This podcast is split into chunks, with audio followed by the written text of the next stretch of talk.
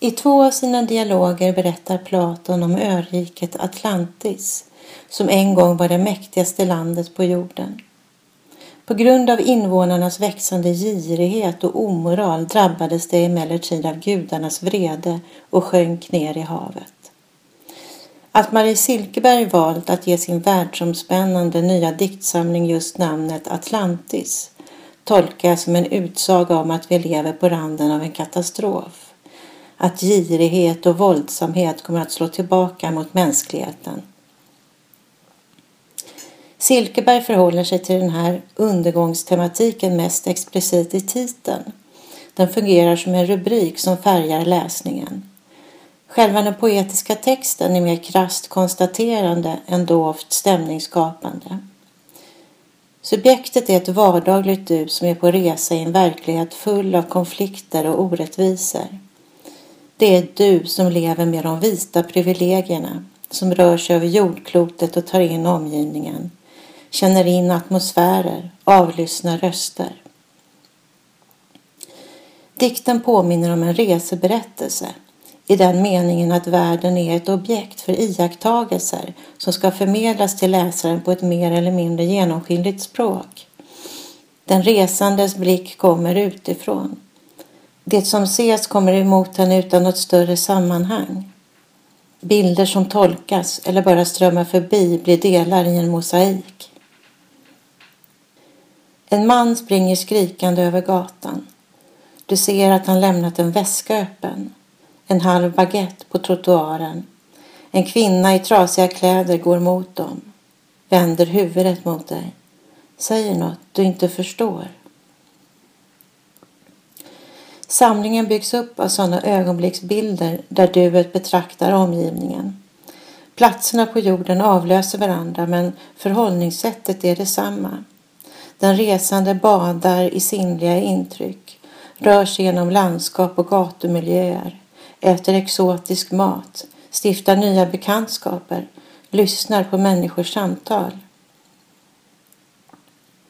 Man piskas för olydnad i Gotland, säger de.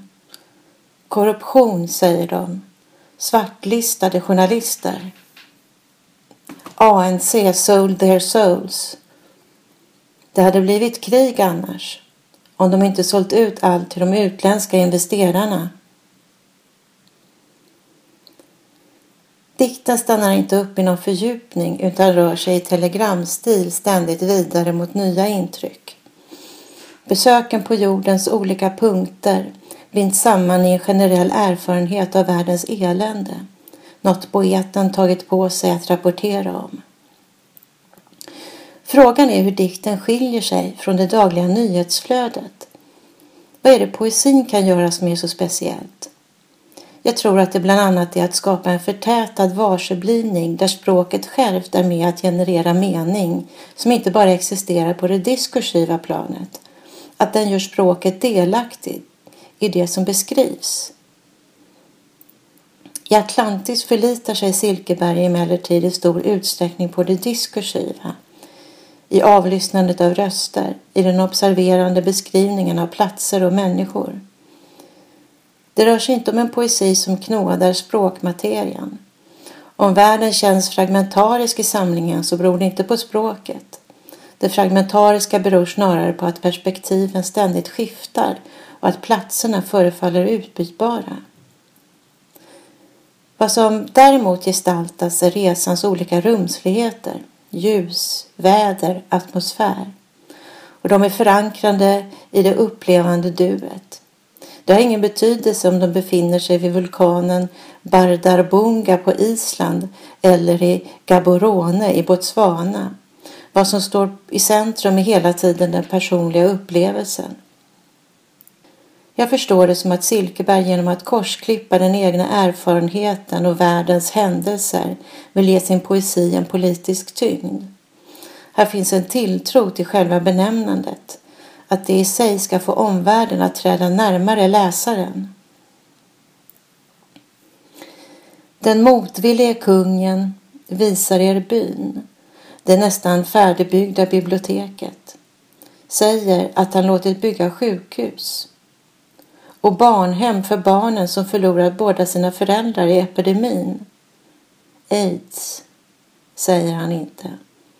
Tredjedelen av befolkningen. Det rör sig om ett benämnande av sånt som man som sagt många gånger känner igen från nyhetsrapporteringen. Korta nedslag som bryts av att perspektivet skiftar. Resenärens upplevelser är fragmentariska. Silkeberg kommer åt den där vanmakten inför tillståndet i världen som många människor känner. Och det är den vanmakten som Atlantis gestaltar. Det privilegierade duets våndor. Vad hon inte kommer åt är de politiska skeendenas dynamik eller erfarenheten hos de som drabbas av den. Det kanske inte heller är avsikten, men jag får intrycket av att denna storsatsning på över 300 sidor har ambitionen att vara någonting mer än ett uttryck för subjektiv upplevelse. För jag läser duet som ett ställföreträdande jag, att det är egna resor som ligger till grund för dikterna.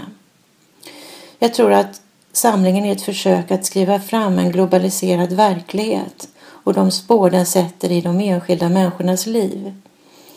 Den vill också föra fram ett budskap till läsaren om att engagera sig mot dessa verkningar. Den vill vara en ögonöppnare. Men texten förmedlar inga specifika perspektiv.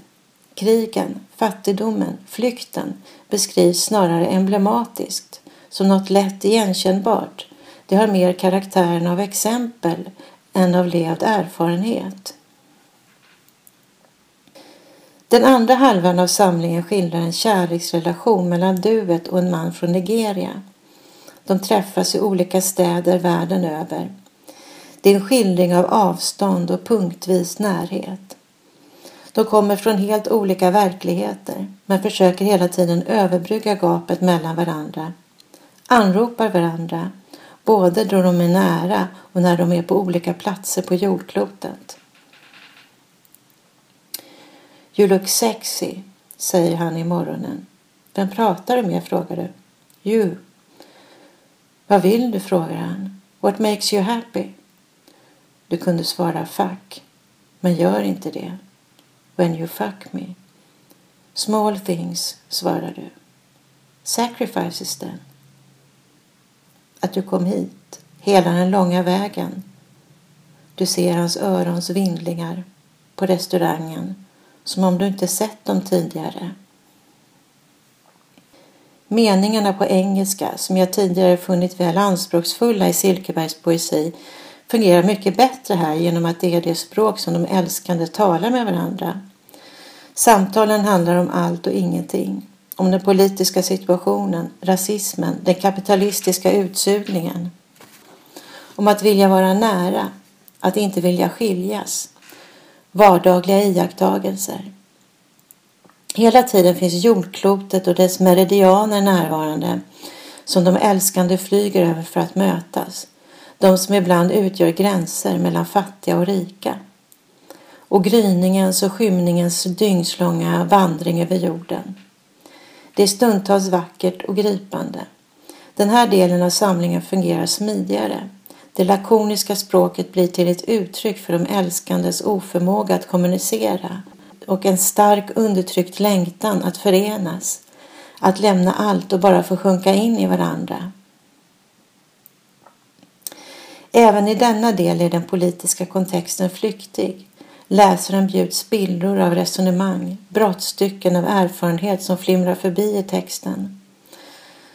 De fungerar som en markering av en politisk verklighets närvaro som duet är skyddat från men får ta del av glimtvis.